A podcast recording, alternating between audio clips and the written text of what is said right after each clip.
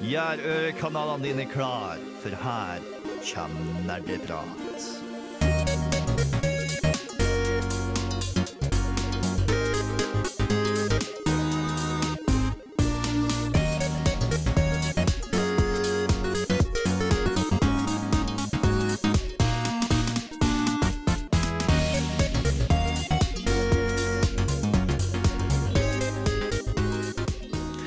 Hallo og hjertelig velkommen alle sammen til nok en episode med Nerdeprat. I dag, sammen med alle de andre i studio, skal vi snakke om flerspillerspill. Men hvem er dere andre i studio? Jeg er Torben. Tommy, Anna, Hey. Eh, Anna var bort, du var ikke borte forrige gang, men for, gangen før der. Ja, OK, jeg kan ikke matte. Bare, da er det etablert.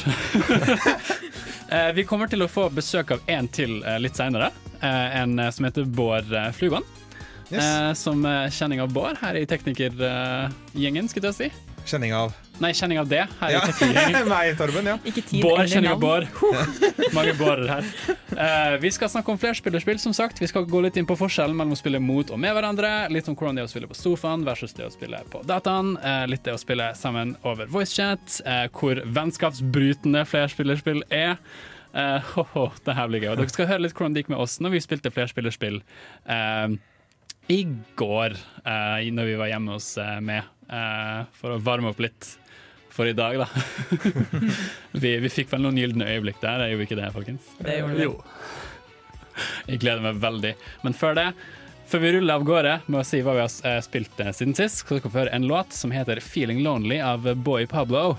Ikke gå noe sted, du hører på Nerdeprat. Og der hørte du 'Feeling Lonely' av Boy Pablo. Eh, det som er veldig kult, er at i går eh, så satte vi oss ned og tenkte at vi må spille et eller annet flerspillerspill. Og det gjorde vi. Eh, vi fikk ikke spilt eh, noe superkult nytt, men vi satte oss ned og spilte Super Mario 3D World. Eller bare Mario 3D World, kanskje. Super Mario 3D World. Super Mario 3D World. Og jeg syns det var dritgøy. Det var så koselig. det var utrolig koselig og gøy. Vi kjøpte oss litt brus og litt Smash. Og skulle egentlig satt oss ned med, med Smash. Ja. For så vidt det blir neste gang. Fordi vi hadde Solo Super, så da blir det Super Smash. ja, det funker det òg. Eller. Super Mario. Eller Super Mario. Solo Super Ja. Mario. Det går, det òg. Eh, vi kom ganske langt. Eh, vi, vi kom med sånn tre verdener uti, tror jeg. Ja, Kommet til en tredje Den verden. til den tredje verden. Ja. Eh, det var kaotisk. Eh, for de som ikke har spilt Super Mario 3D World, eh, så er det Du kan spille det alene, eh, og da er det for så vidt mye lettere å ha grep på alt. Men når du legger til en andre spiller, en tredje spiller eller en fjerde spiller, så blir det fort veldig mye rot. Og det, det hjelper ikke at uh, I hvert fall jeg hadde aldri spilt det før, og Tommy, du hadde kanskje ikke spilt det før, du heller. Nei, jeg tror jeg sto for sånn alene sånn halvparten av død, dødene mine. Ja, det følte jeg også, så kanskje vi bare var 100 av dødsfallene sammen. Ja, det er ve- veldig Et annet poeng er at spillet er laga for å kunne spilles med bare Wii-kontrolleren. Som betyr at det har begrenset antall knapper. Ja. Sånn at uh, knappen du bruker for å plukke opp andre medspillere og kaste dem potensielt utfor et klippe, er den samme knappen du bruker for å løpe. ja. Så Det, det hjalp ikke. Nei. Så hver gang vi er i tette rom og kanskje skal prøve å angripe en, en fiende, eller noe sånt, som, du, som er samme knappen som du løfter opp folk med, så er det ofte at du løfter opp folk og gjerne kaster de over kanter og, og sånne ting. Og da, da dør vi litt, da. Det er jo sånn passe kaotisk, da. Så det krever en viss koordinasjon, kan du si. Eh, Men det var et, et vakkert kaos. Et morsomt kaos. Jeg storkoser meg. Ja, for hvilken karakter koselig. eh, var du, Anna? Jeg eh, kjørte kjønnstypen, holdt jeg på å si, og, og var Peach. Prinsess Peach.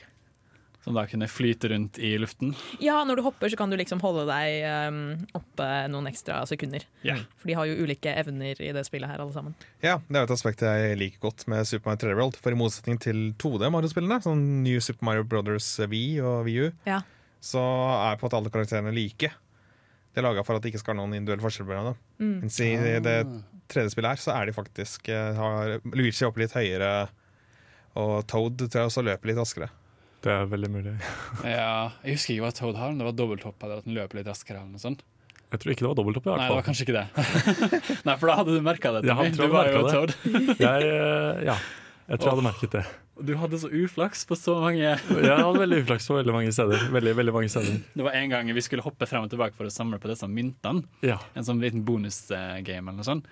Altså, Siden jeg spilte Luigi, som hopper litt høyere, så hoppa jeg og Tommy samtidig inni hverandre. og så landa jeg da oppå hodet til Tommy, som da ble dytta ned i gropa der du dør. Ja. Fordi Ja, Luigi hopper litt høyere. Jeg hadde akkurat kommet ut av den lille boblen. Liksom, og var sånn, yes, nå er jeg fri, og så skal jeg hoppe videre, og så nei. Ned til livet. Ja. Å, herlig.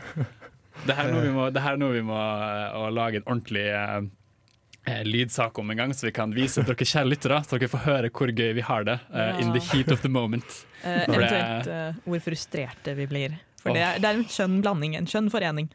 Jeg synes det morsomste var liksom alle de Hver gang vi møtte på en annen søt skapning, alle de forskjellige lydene Anna kom med når eh, de søte skapningene dukket opp. Jeg husker alle hylene. Og når vi da tok livet av dem etterpå. Å nei. Dere skal få høre neste gang vi setter oss ned og spiller litt Smash eller Mario Kart, og hvor eh, uvenner vi er etter det. Men før det skal dere få høre Kompass med 'Tar deg igjen'.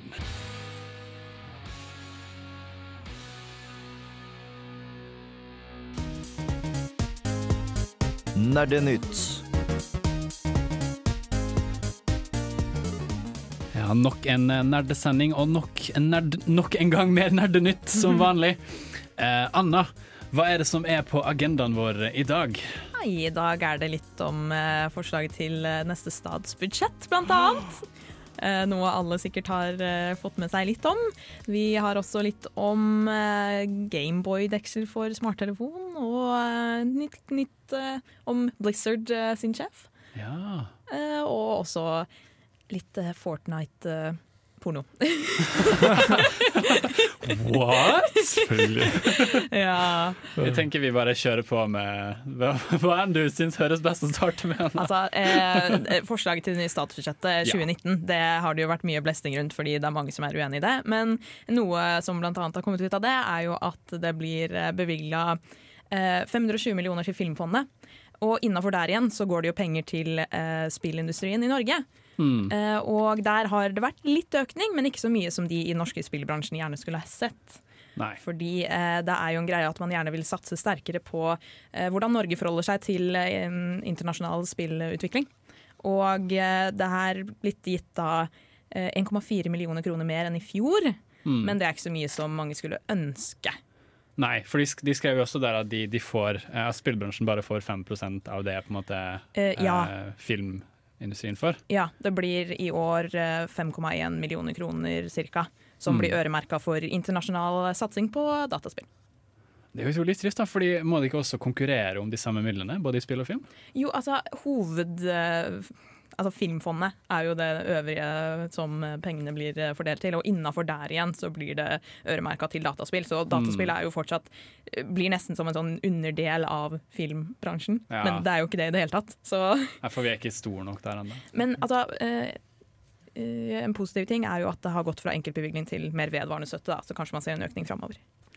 Eh, Det her er også veldig mye grunn til hvorfor Norge som et, land, som et spillutviklingsland sliter med å liksom gi ut spill generelt. Sånn, det er veldig vanskelig å leve av å lage spill i Norge fordi det er så liten støtte til det. liksom. Ja. Så Det har vært et problem veldig lenge. Det har jo det. Jeg husker mange historier av uh, spillutviklere som har jobba så å si 48 timer per dag. Oi! ikke sant? Eh, og ikke fått så mye ut av det. Ja. Eh, Det folk mener gjennom norske spillbransjen, er jo det at budsjettet burde reflektere eh, den veksten som spillbransjen har hatt og vil ha. Da. Sånn at man kun, kan vokse på det. F.eks. Jon Lorentzen, som er daglig leder i Krillbite, som mener at budsjettet burde da heller vært på 50 millioner kroner framfor 5 millioner, så ti ganger større, for å Mm. virkelig reflektere eh, viktigheten av å satse på denne bransjen. Da. Men det er jo på grunn av det er jo da de på en måte får størst eh, gjennomslag, kan du si. Ja. Hvis de faktisk får den støtten de trenger. Fordi de nevnte vel også at eh, de er på en måte på nippen til en veldig stor eksplosiv utvikling. Ja. Men det kan, at det ikke kan skje hvis de ikke får den eh, støtten de trenger. Nei, og eksempel i Sverige, så allerede, eller bare i fjor alene, så ble det oppretta ca. 1000 nye arbeidsplasser innenfor spillbransjen. Mens det det var regna på at kom til å bli i Norge i år, var to nye arbeidsplasser, Ja. kanskje. Så, og, uff. Og um, i andre land så satses det også sterkere på spillbransjen, f.eks. i Romania, hvor myndighetene delegerer ca. 94 millioner euro, altså ca. 900 millioner kroner, eh, på teknologi og spillbedrift. Så ikke, ikke ren spill, men spill skulle bli ganske sterkt satsa på innenfor der, da, for å markere det som en viktig industri for landet sitt økonomi. Mm. Da tipper jeg at da får du garantert sånn, siden det er en elektronikk og spill altså, del, så um, vil jo da spill få en større andel, liksom. Og Ja. en mye større prosent enn det de får i Norge, som er sånn 5% eller noe av det ja. Er Ja. Så, Så vi vil helst ha mer enn det. Ja, det er det mange som gjerne skulle tenke seg, men ikke får foreløpig. Men kanskje i framtida. At engasjementet er der, er jo positivt. Det er det definitivt. Eh, Så vi får bare kjempe hardere og kjempe mer. Eh, Vi har plass til litt mer, hvis du har noe mer eh, på lur. Eh, ja, det er jo det med at eh, sjefen for Blizzard, uh, Mike Morhaime, han går av som sjef etter 27 år. Han uh, var jo med fra da Blizzard startet som Silicon and Synapse Inc. i 1991, Ja. men nå går han altså av. Eh, og så vil han fortsatt være involvert i selskapet, men han vil da heller ha en rådgivningrolle, da. Har jeg sagt noe om hvorfor han nå velger å gå av? Tror han ønsker å ha nytt blod til selskapet, rett og slett. At det er det, da. At han føler at han har vært med såpass lenge at det er på tide å, å la noen andre tre inn i den rollen. Så den som vil få den rollen, er eh, Alan Brack, som tar over som sjefsrollen. Og, og han er jo nå World of Warcraft-sjef, da. Ja, Eller- riktig. Har vært det. All right. Det ser veldig lovende ut. Eh, Vi skal høre litt mer på musikk før vi går videre til litt mer nyheter. Her skal du få høre Nyresvikt med Trøst. Ja, jeg må bare beklage, mamma. Der fikk du høre Nyresvikt. Eh, Jeg håper det er en trøst. Fordi låten er trøst. Eh, Uansett, vi går videre med mer nyheter. Eh, Anna, hva er det neste på agendaen? Det neste på agendaen er noe som er ganske søtt. Nintendo presenterte et fungerende beskyttelsesetui til smarttelefoner, som visstnok skal gjøre det mulig å kunne spille som på en klassisk Gameboy. Ah, så jeg kan gjøre om min mobil til en Gameboy? Ja. Vil det fungere til bare Android eller iPhone også, eller er det liksom spesifisert til noen få liksom, telefonselskaper? Eller, Um, altså, det sies liksom smarttelefoner, så foreløpig er det litt generelt, tror jeg. Vet vi hvor langt i løypa Har Nintendo annonsert det her offentlig, eller er det en patent som har folk har søkt opp? Uh, Eh, det det um, er blitt tatt patent på dette beskyttelsesetuiet, da. Så eh, det, det er liksom muligheter for at eh, det skal bli noe i nærmere framtid. Jeg vet ikke hvor lang tid det tar å lage sånne produkter, men de har jo en plan klar. Det skal jo sies at det er mye patenter som aldri får sett et ordentlig produkt kommet ut. da Ja, det, Fordi det at er sant. eh, de prøver er litt sånn føre var, for Ja. å slippe at noen andre tar, patent på det. Ja, det, Mm. det er sant. Og Skal bare blir det sikres det så mye som mulig, på en måte. Ja, dessverre. Men, det er mulig å håpe, da. Det hadde vært kult å se, da. Men da måtte man jo hatt eh, appene for det, så klart. Men eh, tanken er jo at det skal være som en sånn, et sånn etui sånn, som du har lommebokvarianten av telefonetuier som du kan klapse opp og ned. da. Ok. Og så er det et lite vindu foran, og så er det trykknapper på, som når du trykker på de, så skal det liksom kjennes gjennom dette etuiet, sånn at det registreres på skjermen. Ja. Mm. Mm. Så da, for telefonen tror at eh, du bare tar på skjermen Ja. nesten når du trykker på knapper. Ja, Så da må man jo matche opp eh, skjermen bak dette etuiet, sånn at det passer med knappene og sånn. Og så får man et, en mindre skjerm man ville hatt på hele smarttelefonen ellers, men som på en eh, eldre Gameboy, da. Ja. Mm, så kult lite prosjekt. Kjempekult. Ja. Det gleder jeg meg til. Hva er det neste? Ja, det kan eh, være at eh, det blir nyheter om The Walking Dead, fordi Hey. folk trodde at det var dead and gone. Men nå eh, ser det ut som at eh, det klarer seg og får, eh, får eh, kommet til siste episode. Fordi um, Robert Kirkman, som var involvert i den opprinnelige tegneserien, han sa på New York Comic Con at hans Skybound Games-selskap uh, kan eh, redde dette prosjektet i gang og ta for seg de siste episodene. da. Så um, det, det er foreløpig ikke noe info om når neste episode vil da komme ut, eller noe, men at det ser ut som det er en redning. Ja. Et lys i horisonten. Vil de da ta med seg mange av de Telltale-ansatte som eh, plutselig fikk, eh, ikke hadde jobb? Ja, eh, at de har sagt at vi kan prøve å få med seg noen, i hvert fall. Eh, ikke okay. alle, tror jeg, dessverre. Og det er jo mange som står arbeidsløse. Men at det er viktig å få med flere som var involvert i de tidligere spillene. Fordi- Men de vil i hvert fall prøve å gi dem en sjanse og få reddet eh, slutten av denne serien. Ja, nettopp. Det er jo kjempebra tiltak. Ja, ikke sant. Det er mange som sikkert felte en gledeståre over de nyhetene. Ja, Det er hats off the Skybound Games, altså. Ja, ikke sant. Nei, det er flott, eh, flott å se.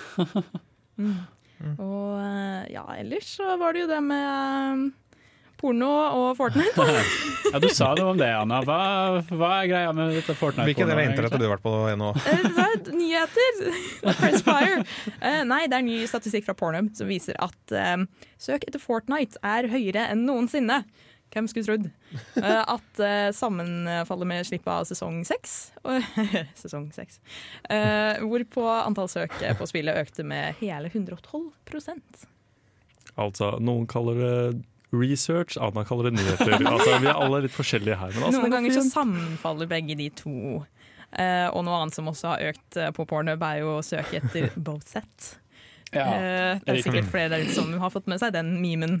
Uh, og det har hittil blitt søkt på ca. tre millioner ganger. Oi. Så ganske mange som har fått med seg pornoversjonene også. Det som er veldig gøy er jo at Hver gang det slippes ut nye spill eller nye populære memes, og sånn, så vil jo da Pornhub eh, slippe ut statistikk for å vise folk eh, hva folk faktisk søker etter. Yep. Som en eh, litt rar markedsføring. Ja. Genial markedsføring. Vi skal gå videre til å høre en anmeldelse snart. Du vil også etterpå få høre eh, gjesten vår. Eh, inntil videre, sit tight. Her får dere Sandra Kolstad med Half-Life.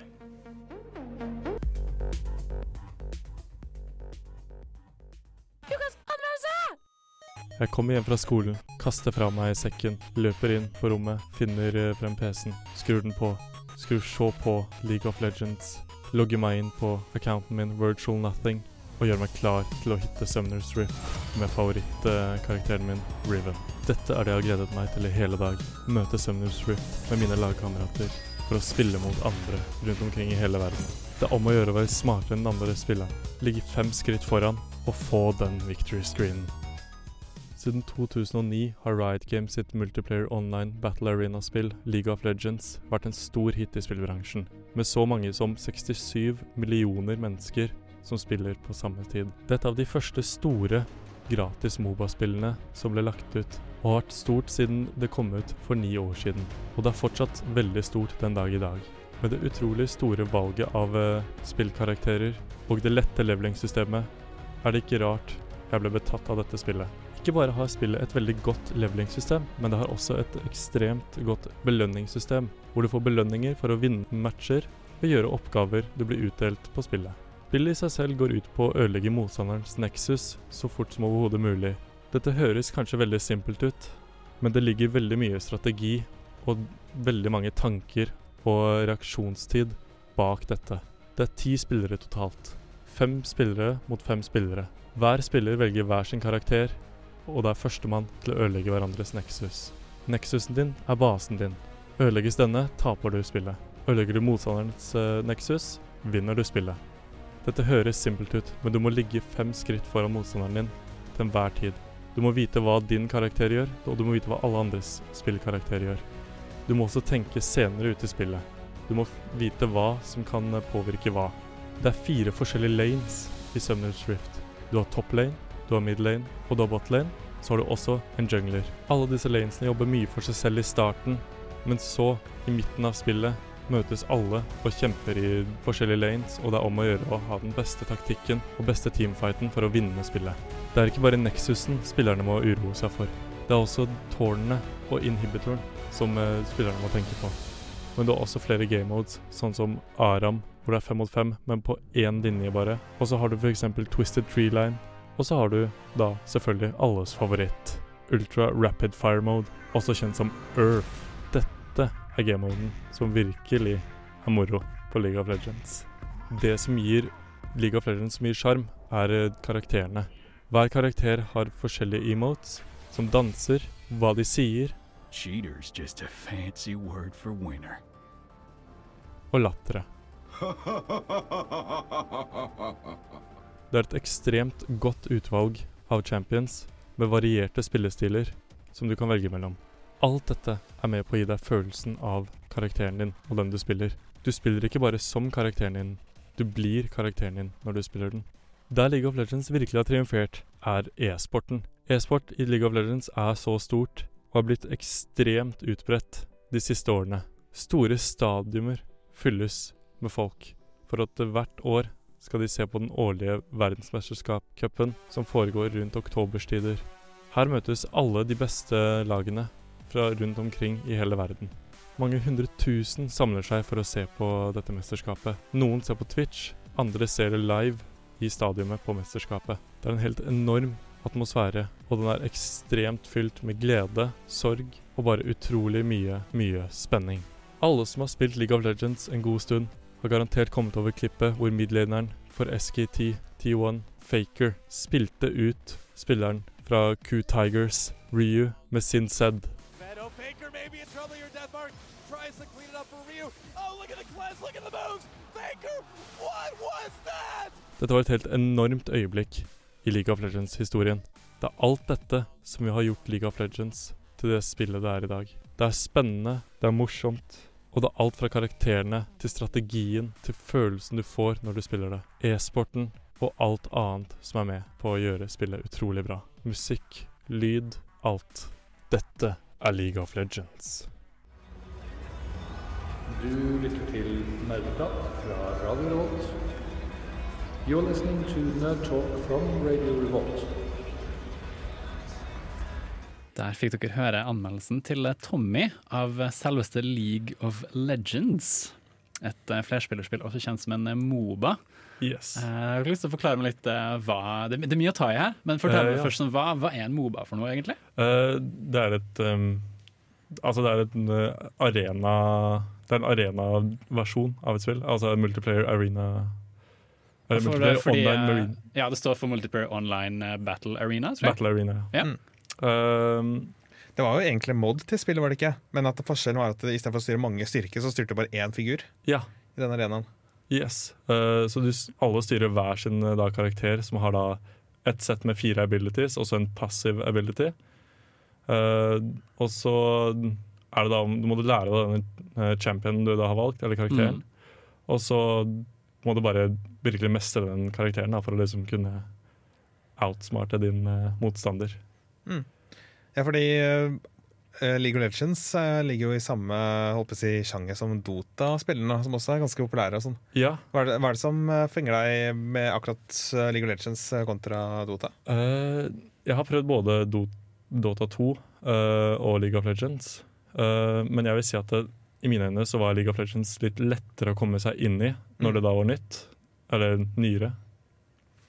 Eh, Er det ikke fortsatt ganske vanskelig? Veldig mye å sette seg inn i. Jeg, jeg har bare eh, En roomie jeg bodde med før, han spilte en del LOL en periode. Altså League of Legends. Og når jeg så liksom på skjermen, så var det bare OK, livsbarer overalt og kaos, og alle gjør det og det og det. Og jeg bare Dette hadde jeg aldri klart å lære. det, det, sånn, det føles veldig vanskelig å sette seg inn i, men man setter seg inn i det veldig raskt. Det er litt sånn hvert eneste sånn sekund da, i League of Legends det teller veldig mye. Ja. Så du, eh, du Det kan føles ut som du har liksom spilt i sju minutter, men du kan ha spilt i ett og et halvt minutt, liksom, fordi du sitter bare og tenker hele tiden. Ja. Mm. Jeg har allerede gjort en liten glipp her. Uh, vi har en ny gjest i studio. uh, hallo, Bård. Hei, Tor Magnus. Uh, dere, dere som hører på, kjenner oss kanskje litt fra morgenradioen på onsdager. Ja, Så nå er du gjest her hos oss. jepp, det er jeg. Og det passer egentlig veldig fint, fordi jeg har også spilt League of Legends en periode i Ja, livet mitt. Fortell oss litt, Hva syns du om League of Legends og de punktene som Tommy har tatt opp her? Uh, nå har ikke jeg spilt det siden sånn 2010-2011 eller noe sånt. Eh, jeg, for å være helt ærlig, jeg syns eh, miljøet rundt det ble veldig giftig og veldig tidkrevende og sånt. Det, det var et punkt hvor jeg bare Jeg orker ikke, fordi Nei. Det blir lansert nye figurer du kan spille som, og de koster eh, altså en valuta som du sender opp inn i spillet, og du klarer ikke å holde følge, og du klarer ikke å få med deg alle endringene som skjer, og ja. Fordi Ofte så starter jo spillet sånne ting fordi du vil slappe av og koble av fra hverdagen, men så ender det opp med å bli det motsatte. ja. Jeg har spilt litt uh, en annen Moba, Uh, Heroes of uh, The Storm. Ja. Ja, Det er. Blizzard sin variant, er det ikke? Som er mye mer casual og litt mer avslappet. Du har ikke medspillere og motspillere som hater deg og banner på deg og alt mulig under kampen. Ja, fordi Problemet i League of Legends nå til dags er at det har blitt så altfor kompetitivt. Det er, det er så mye konkurranse i det at du Ja, fordi de har Det noe mister som litt gløden der. Uh, Unnskyld at jeg avbryter. De har noe som kalles en meta, hvor Ja. du må spille roller på den og den måten, og hvis ikke så får du vel en god del hets, vil jeg anta. Uh, ja, fordi La oss se for deg at du har 141 champions du kan spille, Ja, og så kutter du ned den bolken med sånn eh, 100 stykker, så har du 41 champions du kan spille. og så kutter du ned den med en sånn halvparten, og så har du da de 20 siste som du faktisk kan spille for å da vinne. Mm. Men det går da an å ha kompetitivt miljø og sånt uten å skulle eh, rope skjellsord på hverandre? Ja, problemet er når det, du gjør en eneste liten, liten feil, så hater folk deg fordi du feeder mot- motstanderlaget, og så baller på seg fordi spill sånn sett er snøballer veldig fort. Du blir svakere og svakere i forhold til motstanderlaget. Uh, tingen er jo det at du har jo den der Altså Ja, som sagt, det, du snøball, spillet går veldig mye på at du snø, uh, snøballer hele tiden. Uh, og da mm. det Det er, blitt så små marginer, på en måte? Eller? Ja, Uh, sånn en liten feil kan liksom påvirke deg 20 minutter senere inn i spillet. Ah. Altså Den første som dør, kan, altså, det kan liksom bestemme utfallet av spillet bare fordi du dør veldig tidlig, f.eks. Ja. Mm. Riktig, riktig. Men eh, ja, Anna? Nei, nei, jeg skal si, Det er en av grunnene til at jeg egentlig ikke har spilt så mange eh, MOA-spill eller eh, MMO-spill, eller sånt, fordi du har det presset på deg. Som virker så stressende. Ja, det er ganske stressende til tider. Ganske intensivt, ja. Eh, men du fortalte jo litt om objektet til dette spillet òg. At du skal ødelegge det som kalles en nexus. ja, en Nexus det er en uh, litt, en lita rund base du har uh, i hver da i din base og fiendens base. Men før du kommer deg dit, så må du først ta fire ytre tørrheter, eh, eller tårn. Og så må du deretter ta inhibitoren, for å så ta en For å så ta tørrheter. Inhibitor. En, en inhibitor er eh, For du har, du har minions i spillet. Undersåtter. Undersåtter, ja. Ja. Sånne undersåtter som eh, hjelper deg i banen din. Eh, Det er litt sånn Gumas, rett og slett. da. De, de er bare der for å plage deg. de, de er der ja, de er der basically for å plage deg. Og, Og, men, men du får gull og sånt av ressurser av dem som du kan bruke ja. for å bygge opp. Men hvis du ødelegger fiendens inhibitor, så får du super minions. Som vil si at de er mye sterkere og bøsere enn eh, noen enn de andre minionsene, og da vil du ta ned tårnet sånn mye raskere. Mm. Jeg bare kom på når vi, spilte, når vi snakker om eh, det spillet her. Det er litt sånn kjip ting å avslutte på, kanskje. Men eh, det er at eh, utvikleren, Riot Games, fikk litt blest og gikk av den gode typen i løpet av sommer. Oi. For det var uh, i løpet av Kotaku som uh, lagde en liten reportasje om at miljøet, arbeidsmiljøet der ikke var så veldig bra. Ja, Ah. stemmer det. Ja. Riot Games snak snakket vi om har jo litt dårlig miljø der. Visstnok, da. De, de sier at de jobber, jobber med det, men ja. Ja, nei, Vi får se hvordan det går. Uh, vi skal uh, snakke litt mer om flerspillerspill og liksom flerspillermuligheten i spill, og hva som, ut, og hva som gjør det. Men før det skal du få høre en låt som Tommy anbefalte, fra The Glitch Mob, som heter Rise. Der fikk dere høre Rise fra The Glitch Mob, og noen flere var det vel. Jeg fikk beskjed om Mako og The Word Alive. En sånn collab da, yeah. av de. Um, vi skal snakke litt mer om flerspillerspill. Eh, Hey! fordi mange spill i dag har eh, flerspillermulighet. Det vil si at du kan spille med flere folk, som i f.eks. kjente Nintendo-spill som Mario Kart, eh, Super Smash.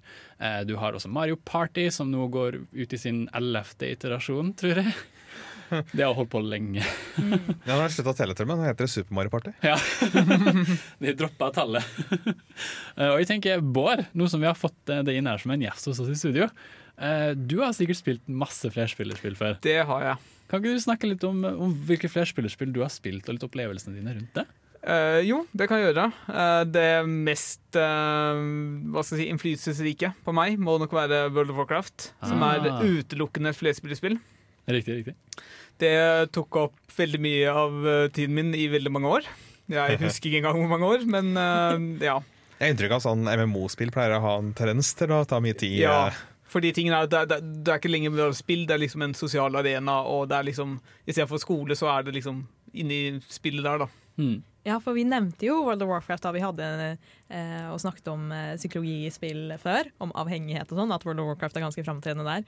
Men merket du noe på uh, altså, nå skal, jeg, nå skal jeg prøve å unngå å si for mye om uh, min uh, ungdomsskoleår, men man merker jo at det er et Du har en tilhørighet der, du har venner der. Jeg hadde jo hvert fall én veldig god venn. eh, den vennen jeg har hatt lengst, sikkert, som også spilte med meg. Og da er det veldig naturlig at du logger på etter skolen og snakker med den personen der mens du kanskje ser på serie mens du grinder et eller annet, eller leveler opp eller noe sånt. Ja. Så det blir liksom en veldig innbakt i livet ditt. Ja, fordi grinding Eh, noe som alle sammen vet, så hører jo mora mi på hele tiden. Eh, jeg tror ikke hun vet hva grinding i spillsjargong er. Eh, nei, det er ganske vanlig begrep når du egentlig Altså, du gjør ting nesten bare for å, fordi du må, holdt på å si. Altså, grinding er type En, en repetitiv handling, Ja. på en måte. Ja, det er litt sånn hjernedødt, Ja, nettopp. Veldig hjernedødt. Du gjør det for å få altså, erfaringspoeng og lignende. Og til, til en viss grad også valuta, men da kalles det gjerne farming. Altså du Ja. prøver å få en spesif spesifikk ressurs. Men du på en måte gjør en repetitiv handling som gjør karakteren din sterkere og bedre rustet. Ja, for eksempel daglige oppdrag er en ting i World of Warcraft. Ja. Hver dag så har du det samme mulighet til å gjøre de samme oppdrag, eller ny Mm. mulighet til å gjøre de samme oppdragene, og så gjør du kanskje, prøver du å få gjort det hver dag, fordi da får du en eller annen begrenset valuta. Veldig spennende det du kommer inn på der om, eh, om det å spille på PC. da For det skal vi også nevne litt om senere. Liksom Forskjellen i det å spille i sofaen og det å spille på PC. Ja.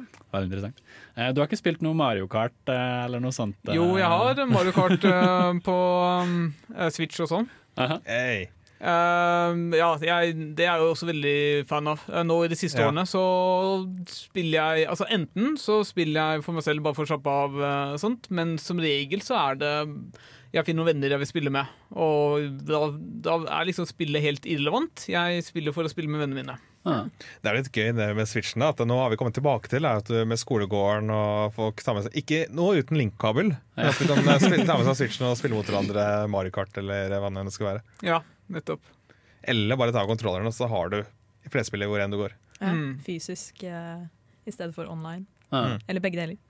Enn en du, Anna? Har du spilt noe eh, flerspillerspill sånn utenom i går, eh, tenker jeg? Eh, altså, eh, jeg har spilt litt Mario Kart. Første flerspillopplevelse sånn online Det var da jeg spilte med en kompis, det var Halo og sånn multiplayer der. Og eh, opplevelsen gikk ut på at jeg bare egentlig løp rundt i ring og skøyt opp i lufta. Fordi for det første, jeg spiller veldig sjelden på Xbox, og for det andre, jeg blir stresset av å spille mot andre, ikke mot NPC-er, holdt jeg på å si. Eller yeah. ja. Jeg spiller som regel singleplayer fordi jeg takler ikke stress. Med roligere omgivelser. Ja, men Det er noe annet å spille online mot folk du ikke kjenner, versus å spille med eller mot folk du kjenner. da. Mm. Eh, Jeg får Mm. mer ut av det, egentlig. Jeg har ikke så mye behov for å vise at jeg kan være bedre enn andre online.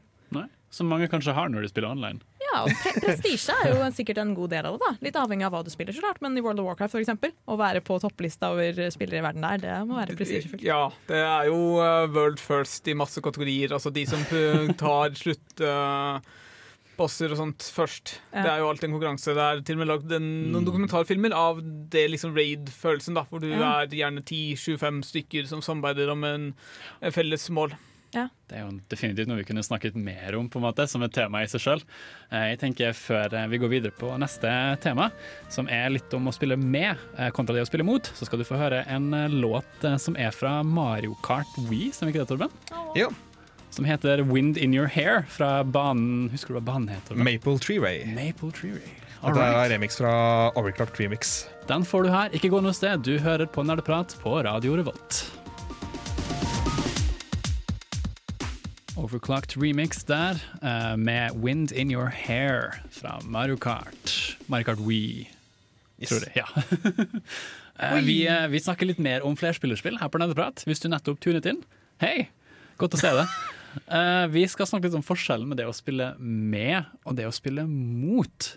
Fordi flerspillerspill har jo ofte flere på en måte, moduser. Det er eh, på en måte, eh, moduser hvor du kan spille med alle sammen, og dere alle er i et race, eller kanskje på en bane hvor dere samarbeider. Eller i Mario Kart, eh, hvor, som mange eh, vet, så spiller man mot hverandre, og kaos eh, utspiller seg, og folk blir uvenner, og ting skjer. Um, men jeg har liksom lyst til å høre hva dere syns om, om forskjellen her. Eh, hvorfor, hva er det som utgjør på en måte å spille mot og spille med? Hvorfor kan ikke alle bare spille med? Hvorfor kan ikke alle bare være venner. Ja. Har du noen tanker om det, Tommy? Uh, det er veldig sånn konkurranseinstinkt, da. Ja. Uh, sånn som for eksempel da, i min tid i League of Legends, så var det veldig konkurranseinstinkt at du ville være bedre og være smartere enn den du spilte mot. Som var litt sånn, Det var det rushet du fikk. Føles litt bra. Du fikk den derre oh, nå, nå er jeg bedre enn han, liksom. Mm. Mm. Enn du, Torben? Når du nevnte den forskjellen på de to, så kan du tenke på et eh, spill eh, eller spillserie som Litt det samme som vi spilte i går. Uh, New Super Mario Brothers-serien. Mm. Fra Wii-versjonen så har du uh, på Wii og Wii U så har du muligheten til å spille med andre. Men du kan også være slem mot hverandre. Og Det er litt sånn dualitet i, i det spillet, fordi at eh, dere hjelper hverandre å komme gjennom nivåene, og sånt, men du kan også plukke opp eh, kompisen din og kaste den i lavaen. Ja. Du kan eh, ta et skall og hive i retning eh, vennene dine. Liksom, så det, det er sånn type spill hvor du eh, Ja, teknisk sett så samarbeider du, men teknisk sett så samarbeider du ikke, liksom. Hvis noen skulle komme med en litt slibrig kommentar mens dere spiller, så er det ingenting som stopper motstanderen fra å plukke det opp og kaste det ut for en klippe, på en måte. Annet enn at eh, vedkommende kanskje rekker å hoppe ut av uh, Ja. armene dine tidsnok. Men eh, ellers så Jo, men altså, når du da sitter og spiller fysisk sammen, så føler jeg at du er ikke slem med folk, sånn som du kan være når du spiller online og ikke ser ansiktene til de du spiller med eller mot. da. Det er liksom en annen form for konkurranse og knuffing, om man kan kalle det. Eh, ja, for eksempel når du da, som Torben sa, det der kan du liksom Du kan utføre handlingen direkte der og da mot den du sitter ved siden av og spiller med. Mens online så vil du liksom heller ta deg litt fatt til uh, keyboardet ditt og begynne å skrive til personen i stedet. Og da har det best å komme ut en del uh, frekke kommentarer. Vi kommer tilbake til det giftige spillmiljøet som Bård nevnte. Ja. Ja, fordi du, du, det er jo litt spennende å få en sånn psykologisk eh, innspill der da, fra vår psykologistudent eh, Anna. Ja, jo. Fordi det er jo noe med det at når du er på nettet, så er det jo litt mer på en måte Du tenker ikke så mye over at personen på andre sida faktisk er et menneske. Men det er fordi du ikke ser mennesket. Du Nettopp. samhandler ikke mennesket, og det er ikke nødvendigvis at du kjenner mennesket fra før av så godt. Mm. Du bare Og- ser handlingene han gjør, på en måte. Det blir en mye større distanse fysisk, og også da kanskje emosjonelt. Mm. Som gjør at eh, du eh, ikke tenker eh, like godt over eh, følelsene til den du spiller med eller mot. Ja, jeg, jeg, hva er det vi foretrekker å spille da? Er det liksom forskjellige spill til forskjellige anledninger? Liksom, jeg, kan godt, jeg liker godt å slå folk i Mario Kart. Ja, men, ja, Det kan også være gøy. Og, jeg har ikke spilt så mye coop når jeg tenker over det. Mm. Vi Eh. samarbeida jo en god del i går når vi spilte. Ja. Det var på en måte hovedpremisset. Vi hadde jo noen uheldige seanser hvor vi ikke samarbeidet så bra, men Du har jo også eksempel sånne co-op-spill hvor du da eksempel Don't Starve Together, som er, en, eh, som er et kult spill. Og så har du eksempel et nytt spill uh, som kom ut for ikke så lenge siden, som heter uh, ah, eh, Anna, du uh, forklarte det for litt siden. Uh, a Way Out. A Way Out, ja. Ja. Det også er et sånt spill man gjerne vil spille sammen og hjelpe hverandre på. ja.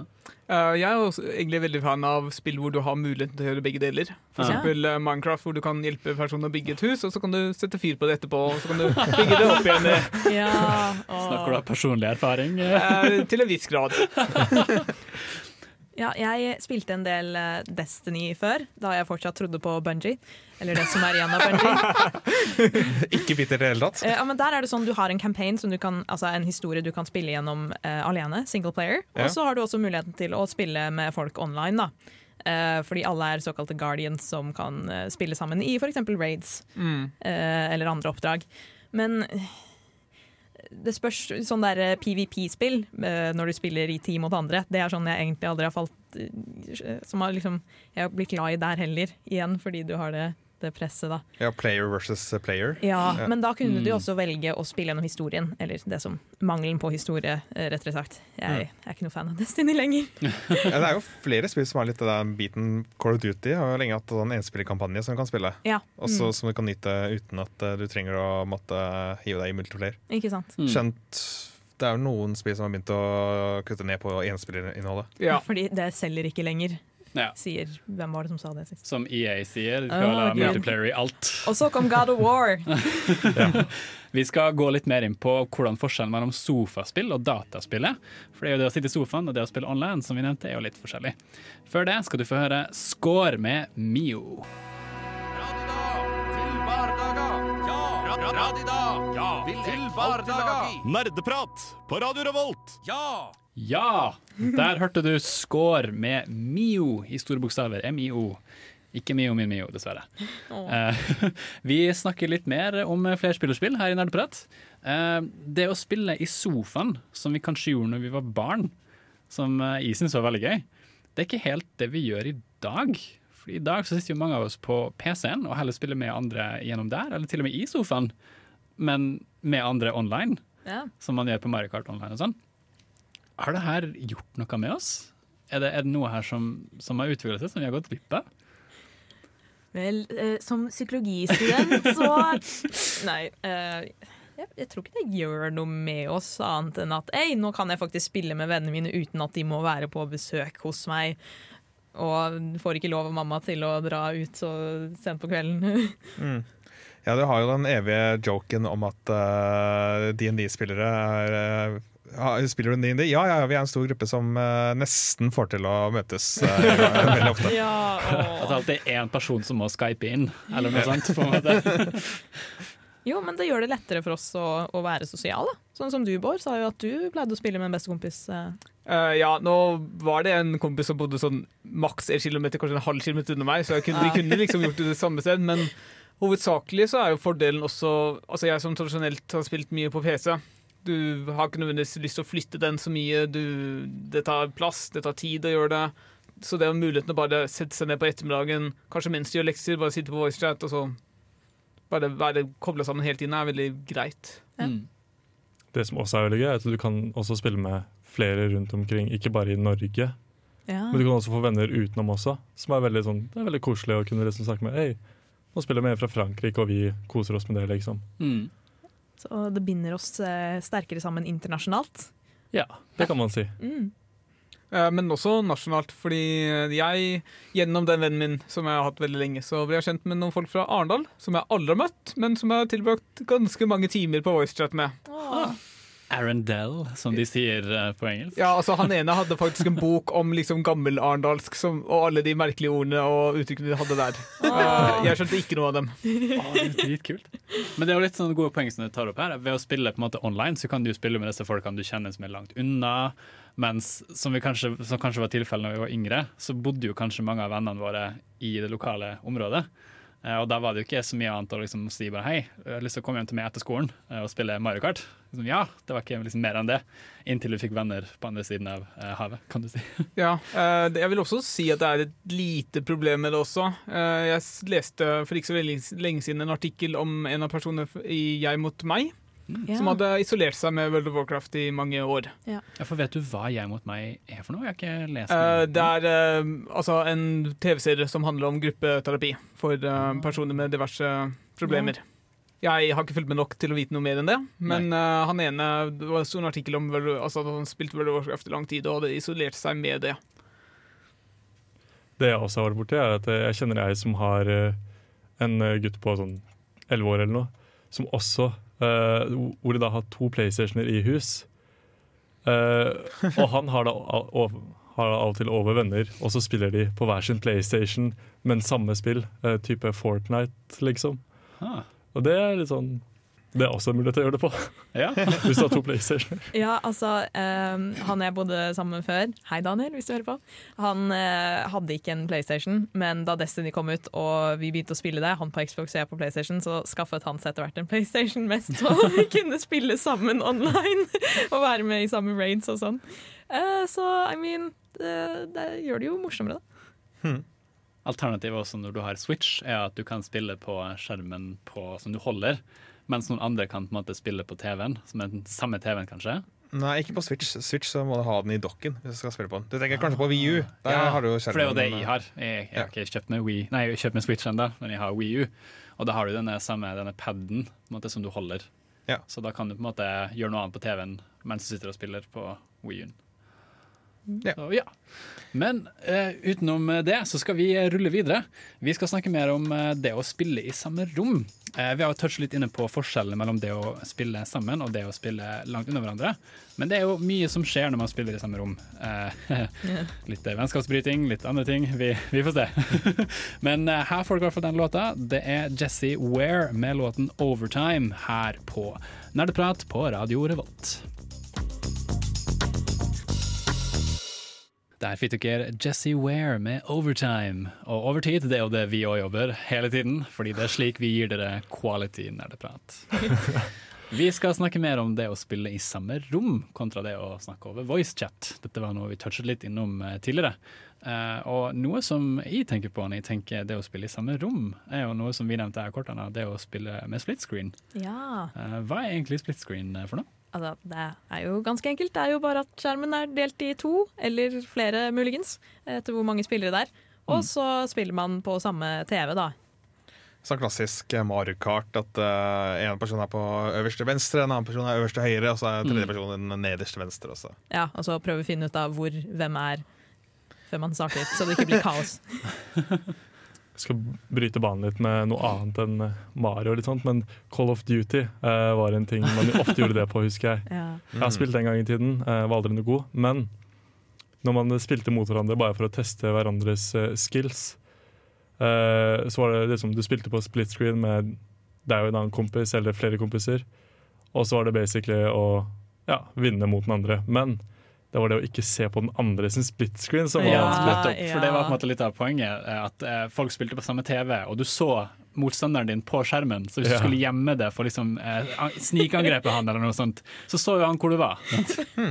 Ja, nei, Vennegjengen min uh, gjør det ganske lurt. da Det er bare, nei, Vi aksepterer at vi skal se hverandres skjermer, og så tar vi og vi skrur på sånn at vi kan se hvor hverandre er på kartet. og sånt og så liksom Vi aksepterer det. Ja. Det er jo faktisk et spill, nå husker jeg ikke navnet i det hele tatt, som er basert på å, altså det som, å se på andre skjermer, da. eh, ghosting, som det kalles. Fordi da kan Jeg tror det er sånn at du kan ikke se din egen du kan ikke se de andre spillerne, du må se på de andre skjermene sine Altså de andre spillerne sine skjermer for å finne ut hvor de er. Ja. Og så må du skyte dem basert på det. Ja. Det var et veldig kult konsept. Jeg skulle gjerne huska navnet på spillet. Kanskje vi kan sjekke det før neste, etter neste låt. Ja, Kan prøve. Kanskje. Uh, dette med split screen, du nevnte jo så vidt eh, A Way Out når vi snakket om det tidligere. Ja, å, det er så gøy! Det er så, eh, jeg jeg vil ikke kalle det nostalgisk, men det er utvikla av de samme som Eller han samme som regisserte Brothers, A Tale of Two Sons, Ja. noen har spilt det. For det var jo også et eh, konsept hvor du spilte to sammen på sofaen. Du kunne spille alene, men også to. Og du styrte to karakterer da, som alltid beveget seg rundt sammen. Mens i A Way Out så må man spille med split, eh, screen, enten fysisk på sofaen sammen eller online. da. Fordi dere styrer hver deres karakter. Så det er to karakterer man styrer, som heter Leo og Vincent, som er dømt til fengselsstraff, og så går spillet ut på å komme seg ut fra fengselet og følge historien uh, deretter. Eh, og eh, ja, det er lagd av Hazelight Studios, men utgitt under EA sin original program, som eh, er en del av EA som funder indiespill og sånn. Ja, for det ble vist på E3, ble det ikke? Det, Eller det ble det. Liksom Veldig hypa opp av han Joseph Farris. Lagd mange memes om han i etterkant, sammenligna med Tommy Wiseau fra The Room og sånn. Fordi han var veldig, veldig sånn engasjert, og dette liksom I did not hit her, I did not! Han er ikke helt der, men han er veldig entusiastisk over spillet og måten man kan spille på sammen da, i A Way Out. Mm. Ja, husker å ha sett han på uh, The Game Awards i fjor. Det var en fantastisk opplevelse å se han. Ja. mm. Når vi snakker om det å spille i samme rom, så ble jeg minnet om en viss uh, spillegende som hadde noen spesielle tanker om det her. Ja. Shigeru Miyamoto, Mm. eh, mannen bak eh, Super Mario. Han, eh, jeg, jeg, vet, jeg har ikke undersøkt om det er riktig, men han mente jo at Internett var en fad på et tidspunkt. At det, nei, dette er noe som går over. Men eh, nå i nyere tid så var det med Super Mario, New Super Mario Brothers V, mener jeg husker. Så ble han eh, ble det spurt hvorfor er ikke dette online. Hvorfor kan ikke jeg spille med vennen min eh, spille Super Mario Brothers og liksom kose oss i lag? Og da mente var, var, var tanken det at eh, det var ikke så gøy hvis ikke du var i samme rom. Du kunne Mm. få med deg reaksjonene til eh, vennene. Mm. At uh, Hvis det bare var over nett, så Det, det funka liksom ikke helt, mente de. Nei. Liksom der jeg, på det tidspunktet så mente jeg jo da at uh, de, de kunne latt oss prøve likevel, men uh, jeg vet ikke. Mm. Uh, apropos det å spille med andre, så har jeg veldig godt sitat fra en nylig avdød YouTuber, John Total Biscuit Bane, som mente at et, altså det at et spill er morsomt å spille med andre, er ikke et bra argument for å kjøpe spill, fordi alle spill er morsomt å spille med andre. Du Ja. burde vurdere det ut ifra alt mulig annet enn multiplayer. Ja. OK. Og jeg er for så vidt veldig enig, fordi jeg merker det selv. Jeg kan drite i hvilket spill jeg spiller, så lenge jeg spiller med venner og har det morsomt. Ja. Det er sant. Jeg kan faktisk attestere til at jeg spiller ikke skytespill til vanlig, eh, men når jeg spiller med andre, så kan jeg gjerne spille det, fordi da blir det gøy. Ja. Mm. Altså, jeg kan spille League of Legends med venner. Men eh, da skal jeg helst være bare venner for laget, da. Ja, nei, altså, da jeg spilte A Way Out, uh, igjen med eh, han jeg var roomie med før, vi, vi satt og hadde det så gøy. For det er et spill som er, det er skikkelig klisjé til sider, men da kan du sitte og gjøre narr av det sammen. Og liksom, Mm. Bare det at du sitter ved siden av noen og bare på, kan peke på ting og bare prøve å dytte hverandre unna kontrollene bare for å fucke den andre over, det, det er så herlig. Det viser litt sånn forskjell mellom flerspillerspill og enkeltspillerspill. I den forstand at med enkeltspillerspill så kan du på en måte komme inn i en sånn boble, hvor du liksom aksepterer og kjøper deg inn i det som skjer i spillverdenen og drømmer deg bort. At nå Mm. er jeg Link som skal redde prinsessa og halve kongeriket. Eller helst hele. Mm. Eh, mens i flerspillerspill så føler jeg at du alltid har en liten distanse. Liksom. Mm. Det er litt vanskelig å skulle at eh, hele vendingen kjøper seg inn i eh, den eh, scenarioet. Så det blir på en måte litt at du står på utsida av spillet og kanskje kan peke nese på det. Med mindre det er Dungeons and Dragons, da. For da er det jo alt om rollespill og leve seg inn i rollene. Med mindre det er Dungeons and Dragons. Jeg kunne ikke sagt det bedre selv. For de som har spilt eh, Rayman Legends, får vi her en eh, liten Castle Rock, som eh, dere får her på Nerdeprat. Castle Rock, av, komponert av Christoph Harrell og Billy Martin. I hvert fall den remixen. ja, i hvert fall remixen. Eh, Det er en parodi på en annen låt som, eh, som jeg antar dere kjente.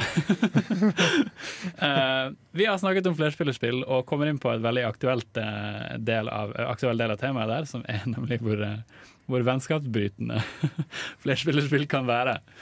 Én ting er å ha eh, ha giftige kommentarer på nettet når man spiller online, men det å på en måte sitte i sofaen og spille Mario Kart med noen, eller Super Smash for den del, og bare se hvor, på en måte, hvordan vennskapet brytes. Sakte, men sikkert. Når kanskje den ene personen er litt bedre enn den andre. uh, skal vi også snakke om hvordan utstyr brytes? Kontroller kastes i veggen og sånt. Vi, Ja. vi kontroller i TV-en og Eller keyboard som smashes. Jeg har aldri vært så sint at jeg har, at jeg har gått ut utstyret mitt. Uh, spillutstyret mitt, uh, riktignok. Men det, det har vært en god del banking i bord, for å si det sånn. Noen harde bank i bord. Jeg føler at Jo eldre man blir, jo mindre utagerende blir man på den måten. Men jeg vet sjøl at som, som ung så hadde jeg noen utbrudd der, altså. Det, det kan jeg si. Turte aldri ha så store utbrudd. Jeg var litt mer redd for mamma på den tiden. Jeg var litt mer redd for spillkontrollen som jeg hadde kjøpt for, for mine egne penger. Ja, jeg. godt poeng. Ja, økonomi.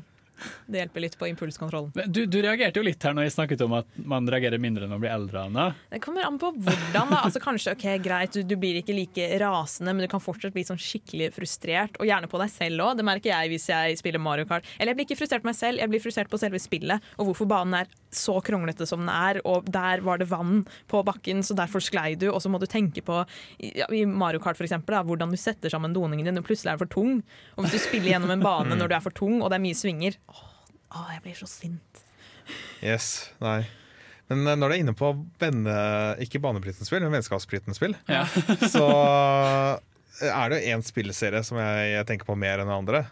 Og det er jo Mario Party. Selvfølgelig. Fordi at eh, Mario Kart så spiller du deg i bane, og så går det kanskje tre-fire minutter på den, og så er det en ny bane. Ny, ny sjanse. Mario Party så holder du på i en eh, 40 minutter, time kanskje, enda Ja. mer.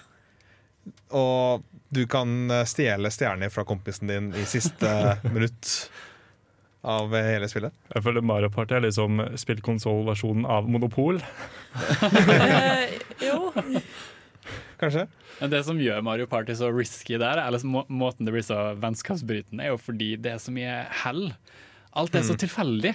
At du kan liksom lande på denne ene eh, brikken, som på en måte plutselig kommer Mini-Bowser frem, frem og bare Ja, hvis vi, hvis vi triller den terningen, og så, ja, skal vi se, ja, der, der stjeler jeg alle stjernene til kameraten din. Ops, sorry. Altså, Å si at det bare avhenger av hell, Det det, høres ut som noen, noen, noen som noen som taper ofte, ville sagt. Pew, pew, pew, pew. Jeg Shots tror, vi, fired. jeg tror vi tar en runde Mario Party uh, seinere. Altså. Nå må vi investere i Super Mario Party. Ja. Nintendo tweeter jo faktisk som del markedsføring at eh, forrige uke at det er vennskapene deres har til fredag, når Mario Party kommer ut. Så det er på en måte allerede etablert at dette her er noe som folk kjenner til. risky business å ta med nerdepratgjengen på Mario Party i kveld, i hvert fall. Nei, vi er voksne nok til å, til å håndtere det, vi. Det, det tror jeg. Tor Magnus kommer alene på neste sending. Ja, hei, alle nerdepratfolkene er borte. Det er bare meg igjen. Sporløst forsvunnet. I dag skal vi snakke om eh, det å ha det gøy. Nei da. Nei, som en regel ikke særlig permanent, da. Det skal vel sies. Eh, Men eh, Bård, har du hatt noen, eh, noen øyeblikk som har vært litt sånn markante når det kommer til vennskapsbrytende spill? Nei, jeg tror egentlig ikke det. Eh, noe, altså det er jo alltid litt kjipt å tape i Mario Party, eller spesielt spill jeg tror jeg er go- jeg er god i, og så innser jeg Mm. plutselig at jeg ikke er så god i det likevel. Ja. Ja, for hva er det for noe, Anna? Uh, jo, altså, eh, det er faktisk et uh, ord for det, da. ikke nødvendigvis bare i spill. Men det ble forska på av noen psykologer eh, som kalte det Drunning-Kruger effect, fordi de som forska på det, het Drunning og Kruger. I 1999 så hadde de noen forsøk som viste at eh, man overvurderer eller undervurderer egne evner da, i forhold til hvor flink man faktisk er til å utføre oppgaver. Um, så de som ligger på normalnivå, pleier å overvurdere seg selv, mens de som kanskje nærmer seg ekspertnivå innenfor en egenskap eh, eller evne, de undervurderer seg selv. da. Så jo flinkere blir, jo mer bevisst blir man på at eh, det er mye man kan eh, bli bedre på. Det går Får For litt eh, sjokk når man hopper inn i multiplayer-verden der. Ja. Vi skal danse litt til eh, Mario Kart-musikk her. Her får du 'Shredding the Rainbow', komponert av Andy Gillian.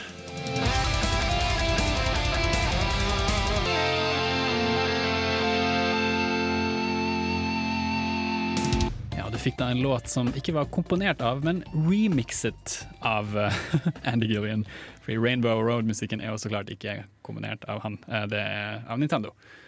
Um, Men vi skal gå videre til, videre til å snakke mer om eh, flerspillerspill her. Eh, Vi har fortsatt litt mer temasnakk igjen, og nå skal vi snakke litt om eh, det å ha co-op-modes i singleplayer-spill. Ja. Og du nevnte jo A Way Out så vidt, Anna. Ja. Har du lyst til å snakke litt mer om, om det? Om jeg kan. Ja, for det, det, det, det er jo I motsetning til veldig mange andre spill, så er det jo ikke sånn at det er et spill hvor du har enspillspill, og så har de lagt på en coop der. Nei. nei, nei, det er basert rundt at det skal være coop. Det går ikke an å spille det uten å være to, faktisk. Mm. Fordi skjermen er delt i to, og på hver skjerm er hver av karakterene som går rundt og sammen, eh, handler sammen på samme eh, verden. Da. Og man må ofte hjelpe hverandre for å komme over uh, hindringer eller løse små puslespill. Og så er det også masse sånne små minispill i spillet, og et av dem er at du sitter og spiller sånn fire på rad. det er kjempegøy. Åh. Hvem vant? Altså, jeg, jeg hadde én brikke igjen å vinne, og så klarte han jeg spilte mot å trykke på en knapp som gjorde at vi kom ut av det minispillet rett før jeg var jeg, jeg skulle legge på én brikke igjen! Det var det eneste stedet brikke kunne legges, og så hadde jeg fått fire på rad. Var det med vilje? Eh, han sa at det ikke var det, men Aha, aha. jeg vet. Å oh, vet. nei, jeg Men, klarte å gå eh, ut. Ja, A Way Out er et herlig spill, uh, laget av en veldig eksentrisk uh, fyr. Um, anbefaler alle å prøve det ut, altså. Han minte litt om Tommy Wiseau, for de som har sett uh, The Room. Ja, for folk som så på det E3-klippet hvor han snakket om. A Way Out og dissa EA og ja. Ah, ja, nei, eh, jeg er nesten like glad i han som er i selve spillet, liksom. Han er, han er en del av spillet. Han, eh, ja, jo, han er veldig glad i spillet sjøl, da. Så Ja. eh, jeg ville anbefalt å spille det med en god venn og ha det gøy en kveld. Men Merker du noen forskjell på det kontra andre coop-spill? Sånn, eh, hva, hva er det som skiller deg ut? på en måte? Eh, altså, det er jo ikke fokus på f.eks. i Destiny, da, så er det om å gjøre OK, du kan spille sammen og skyte ned masse masse fiender, det er Mm. den type spill, mens det her er mer sånn historiedrevet spill. da. Ja. Uh, igjen, Destiny hadde ikke så mye historie som forventet. Uh, men Og så spiller det på mye sånne gamle filmklisjeer og sånn, så det blir litt som en sånn kan jeg kalle det, 80-talls uh, buddy cop-drama, hvor de liksom eh, skal bryte seg ut av fengsel og så løse eh, et problem da, eller en konflikt, og så skal man uh, ha litt uh, ja, litt gøy på veien. Det, det er jo mange spill som gjør det her. Eh, jeg kommer jo til å tenke på et spill som Pode, eh, som har Ja. kommet ut, eller skal komme ut. eh, hvor det samarbeider, og også det norske indiespillet Shadow Puppeteer. Eh, som kom ut en god stund tilbake av Sarepta Studios. eh, hvor eh, det, det er coop, men den ene personen spiller skyggen til eh, hovedkarakteren. Ah. Hvor dere samarbeider da i en sånn skyggebakgrunn og andre person i selve banen. da på en måte, Hvor du kan dytte skyggene, som da blir på en måte den boksen som egentlig er fremme. Som da den andre spilleren kan hoppe opp på. og sånne ting. Ah, så kult. Så har du også Dark Souls-versjonen av Co-op, som er eh, Cuphead, hvor du da kan spille Oh. to stykker. Eh, veldig, veldig morsomt å spille to stykker der. Eh, Jeg har faktisk ikke spilt Cuphead. Eh, det er jo det Ikke? som er veldig sånn gammel Mickey Ja. Mouse-grafikk, er det ikke det? alt, oh, ja. all animasjonen er håndtegnet, Ja. og det er sykt. Men det er sånn typ, Er det bullet hell, er det riktig å kalle det? Det er sånn, det er i hvert fall- hvert fall mye å unngå og sånt. da Ja, Eh, det ja. stemmer. Veldig mange prosjektiler og sånt du skal unngå. Angrep fra fiender og sånt. Mm. Eh, nei, men det er et veldig kult co-op-game som absolutt folk burde prøve å spille sammen. Bare jeg går først, den. da. Ja, ja. Så, eh, et annet spill som kan være veldig, veldig gøy å spille sammen, det er jo det Portal 2-spillet. Mm. Fordi det første oh. spillet var jo ikke multiplayer, det var single player. Og så kom det ut med toeren og bare Hei, dette er faktisk et puslespillspill som er enda morsommere å kanskje spille sammen. Mm. Men Uh, andre interessante Altså En annen ting som er bra med Portal, er jo det altså, samarbeidet sammen. Og det følelsen av å ikke være alene mot det, men at du er på lag mot miljøet. Ja, er, det, er, det, er det samme som Kan jeg spille enspillerkampanjen i lag, på en måte, eller er det egen kampanje for uh, Coop? Uh? Nå er det veldig lenge siden jeg har spilt eh, Portal 2, men jeg tror kanskje hovedhistorien er enspiller, og så er det noe tilleggsgreier som er flerspiller. mm. Ja, ja. Fordi to hoder tenker bedre enn ett.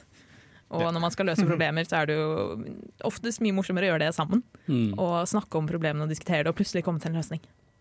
Uh, en annen veldig interessant måte å gjøre det med Coop på, er jo sånn som Binding of Isaac og Enter the Gungeon, tror jeg. Hvor du plutselig Du kan spille alene helt fint, men tar du med en ekstra person, så får du litt mindre liv, og så får den andre personen da det livet det, som blir tatt fra deg. Ja, Så da- en sånn delt health bar, på en måte. Ja, eller eh, hvis den andre personen dør, så dør den jo, og da vil det være vanskelig for deg, men kan, de kan bli gjenopplivet ved å ofre litt mer liv og sånne ting. Så du, ja. det er ikke en, kun en fordel av å spille flere, sånn som eksempel vil være i Overcooked, hvor ting kan gjøres fortere når det er flere, men du har, det er faktisk en trade-off ved at du er flere. Det samme gjelder jo også Dark Souls. Hvis du inviterer, altså, får med en annen spiller, så vil uh, he, um, livet til fiendene øke. Ja, riktig, riktig. Mm. Vi skal bevege oss vekk fra temadelen og snakke mer om eh, ukas spørsmål, som vi har hver uke. Men før det skal du få høre en låt av eh, Pond. Den låten heter 16 Days. Når innså du at du var en gamer? Dersom du kunne spilt kun et spill i et år Hva er det eldste spillet i backloggen din? Hva har du lært fra spill som du har fått nyte av i Er det et spill som har hjulpet deg gjennom en tung periode av ditt liv? Hva er ukas spørsmål?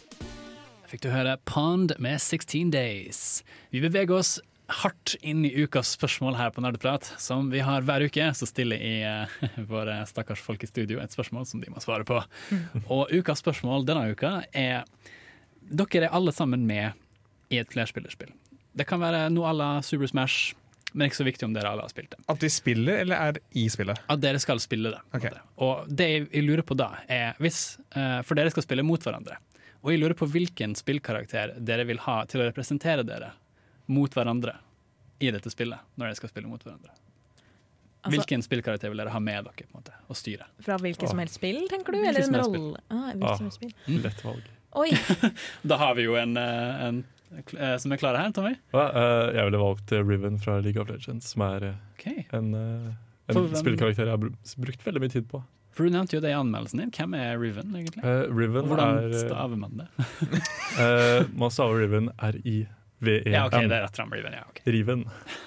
uh, hun er da en uh, dame med et sånt gigantisk sverd, og ultimaten hennes, eller special move hennes, er da at hun får et enda større sverd. Uh, I like it.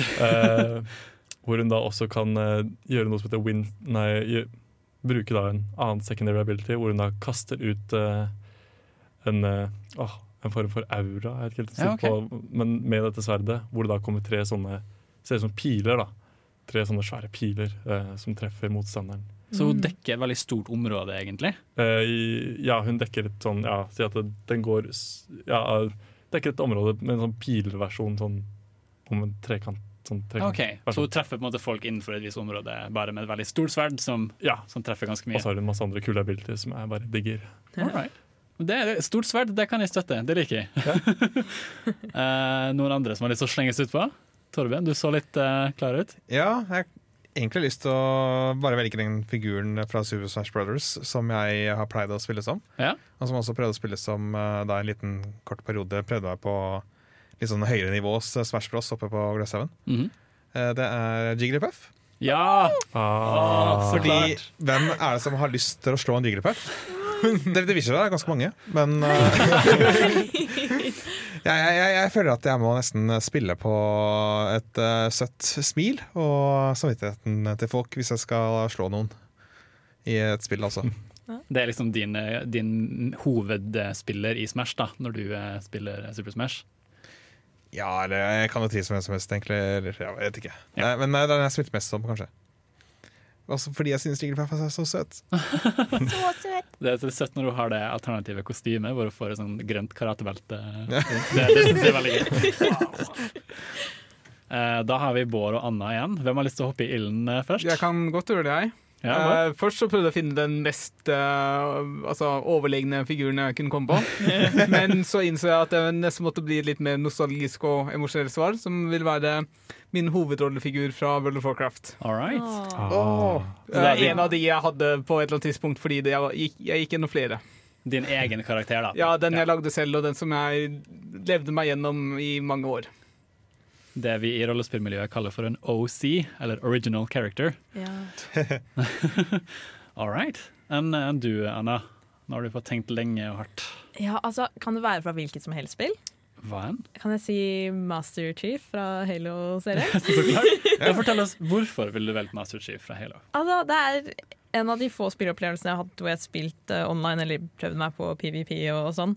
Uh, og altså, han er jo en født kriger, hva skal jeg si. Han er en trent soldat. Han er eh, til å stole på, og kul, ikke minst. Ikonisk eh, rustning. Eh, jeg føler det er en veldig pålitelig karakter, som jeg hadde stolt på å ha på min side når jeg skulle slåss mot andre. Og ja, ja ikke mer enn det, egentlig. Så da har vi Master Chief, vi har en original character fra World of Warcraft, vi har Riven fra League of Legends, og vi har Jigglypuff fra Super Smash Bros. Ut ifra alle disse, hvem tror du ikke ville vunnet i en eh, kamp? Uh, det spørs da om Jigglypuff hadde kunnet få synge. Eh, Det, det spørs kanskje hvilken kamp. Jeg tror kanskje Masterchief hadde skutt oss ned hvis eh, han hadde fått muligheten, men uh, i nærkamp kanskje ikke. Mm, ja, han har jo den rustningen da, som gjør han supersterk. Hmm. Mjølner armor. Ja, godt poeng. Men kanskje det gjør den tung, sånn detter utfor uh, stup? eh, Ja, ja, hvis det er de tidlige spillene, så kan du ikke hoppe noe særlig. Jeg vil gi et lite svar på at det kommer veldig an på hvem som hadde spilt karakteren, tenker jeg. Å gud, ja. Utrolig kult å høre. Eh, Da har vi fått litt innblikk i hvilke karakterer dere liker, og det er veldig kult å få med. Eh, Vi skal bevege oss inn i ukas spillsmak, Eh, men før det skal vi ta en liten sånn jazz-session her med Yellow Days eh, med How Can I Love You.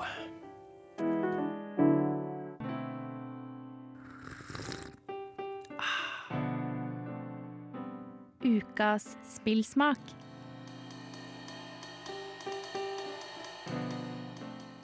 Yellow Days med How Can I Love You fikk du høre der.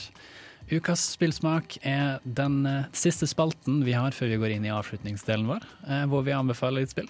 Og eh, Tommy, du hadde et eller annet eh, på lur, eh, hadde du ikke det? For du har spilt noe i det siste. Jo, eller eh, ikke, Jeg har ikke spilt det så mye, men jeg har sett veldig mye på romkameraten min som også har spilt det. Uh -huh. så jeg har vært litt sånn backseat gamer og judga spillet fra from the behind, eh, eller fra bakfra. Alltid gøy. alltid gøy. Hva, hva slags spill er det? Det er det nye Assassin's Creed Odyssey som har kommet Ja. ut. Uh, og dette har jeg veldig mye uh, blandede følelser om. Å ja. Hvorfor det? Eh, en, jeg syns spillet ser uh, veldig pent ut.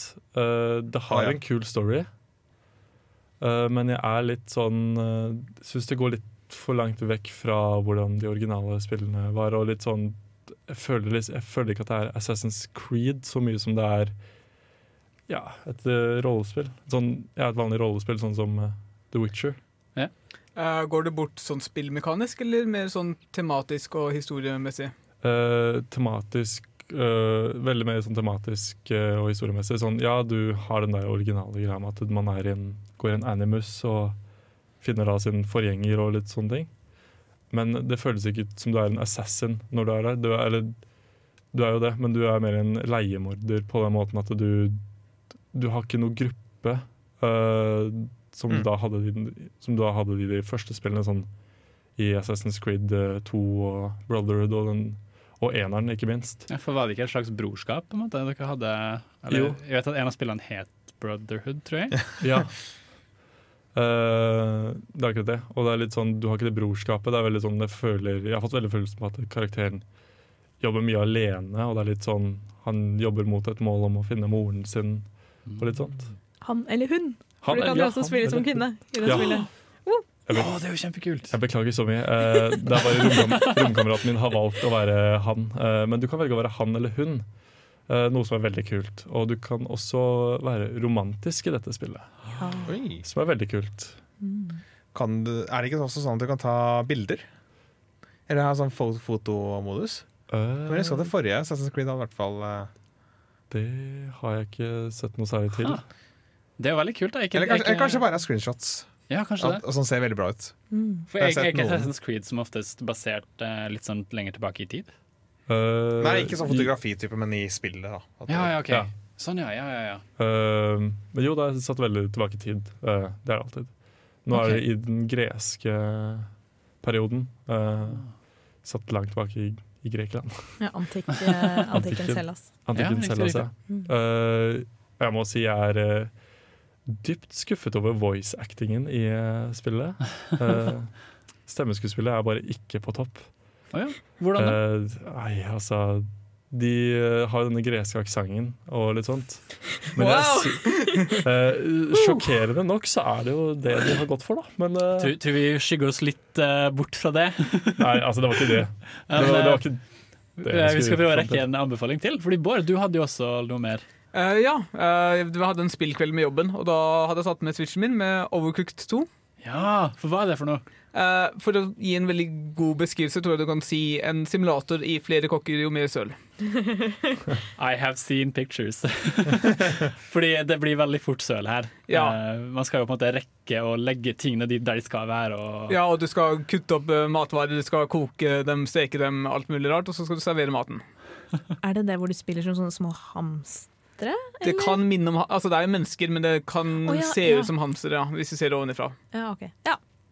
Men ja, det er sånn spill hvor uh, du har akkurat begynt å komme inn i formen og lære hvordan uh, dynamikken i kjøkkenet skal være, og så skjer det noe. Ja, eh, banene er veldig dynamiske. Plutselig så er det to luftskip som flyter litt fra hverandre, flyter litt nærmere Oi. hverandre. Objekter som flytter på seg Ah. underveis. Så du må alltid prøve å planlegge og finne beste løsningen, da.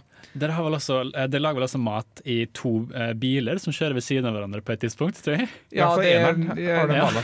Ja. Så var det sånn. Jeg har sett i hvert fall en av disse spillene her sammen med Gang Beasts, som også har ligget ganske høyt oppe på PS4-spillbutikken i hvert fall. Eh, som var litt sånn populære go to multiplayer-spill. da. Mm. Men eh, har du hatt noen uheldige opplevelser? Eh, nei, jeg vil ikke si det. Nei. Ja, men Det er jo kjempebra. Ja.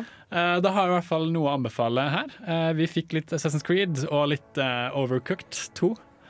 Som alltid skal jeg sjekke ut. Vi beveger oss inn i avslutningsdelen vår her av Nerdeprat, men før det skal du få høre Girl in Red med 4AM.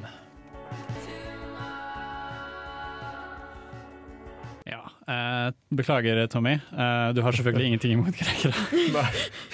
Bare så folk vet det. Det var ikke det som var poenget. Eh, det er jo ting som skjer selv om vi snart eh, drar. Eh, Torben, du nevnte jo at det var noe fancy som skjedde her. Ja, det er en event som heter Trøndelan. Ah. Så sånn klassisk la den type tar med datamaskinen din, og så sitter du der eh, til altfor langt på kveld med altfor mye smågodt. Eh, Jeg har ikke eh, tenkt meg på det, men eh, det, er, eh, det kan hende det er noen andre som eh, skal dit. Det er fra det er denne helgen, faktisk. Ja. Fredag til eh, lørdag. Søndag. All right. 12. oktober. Det kan være kjempekult å sjekke bort. Sjekke. Um, eh, er det noen her som skal gjøre noe spennende i helga? Jobbe. Jobbe. Jobbe. Vi har dessverre ikke så mye spennende i helga akkurat nå, men eh, vi skal komme tilbake en annen gang med masse spennende, kule ting. Jeg skal faktisk spille Mario Party, tror jeg. Hey, men da har vi noe. Men da får vi bare si ha det bra fra meg, Torben, Tommy, eh, Anna og vår gjest eh, Bård Flugon. Det har vært kjempekult å ha deg med. Eh, følg med neste gang. Vi sier ha det for denne gang. Ha det bra! Ha det bra. Ha det.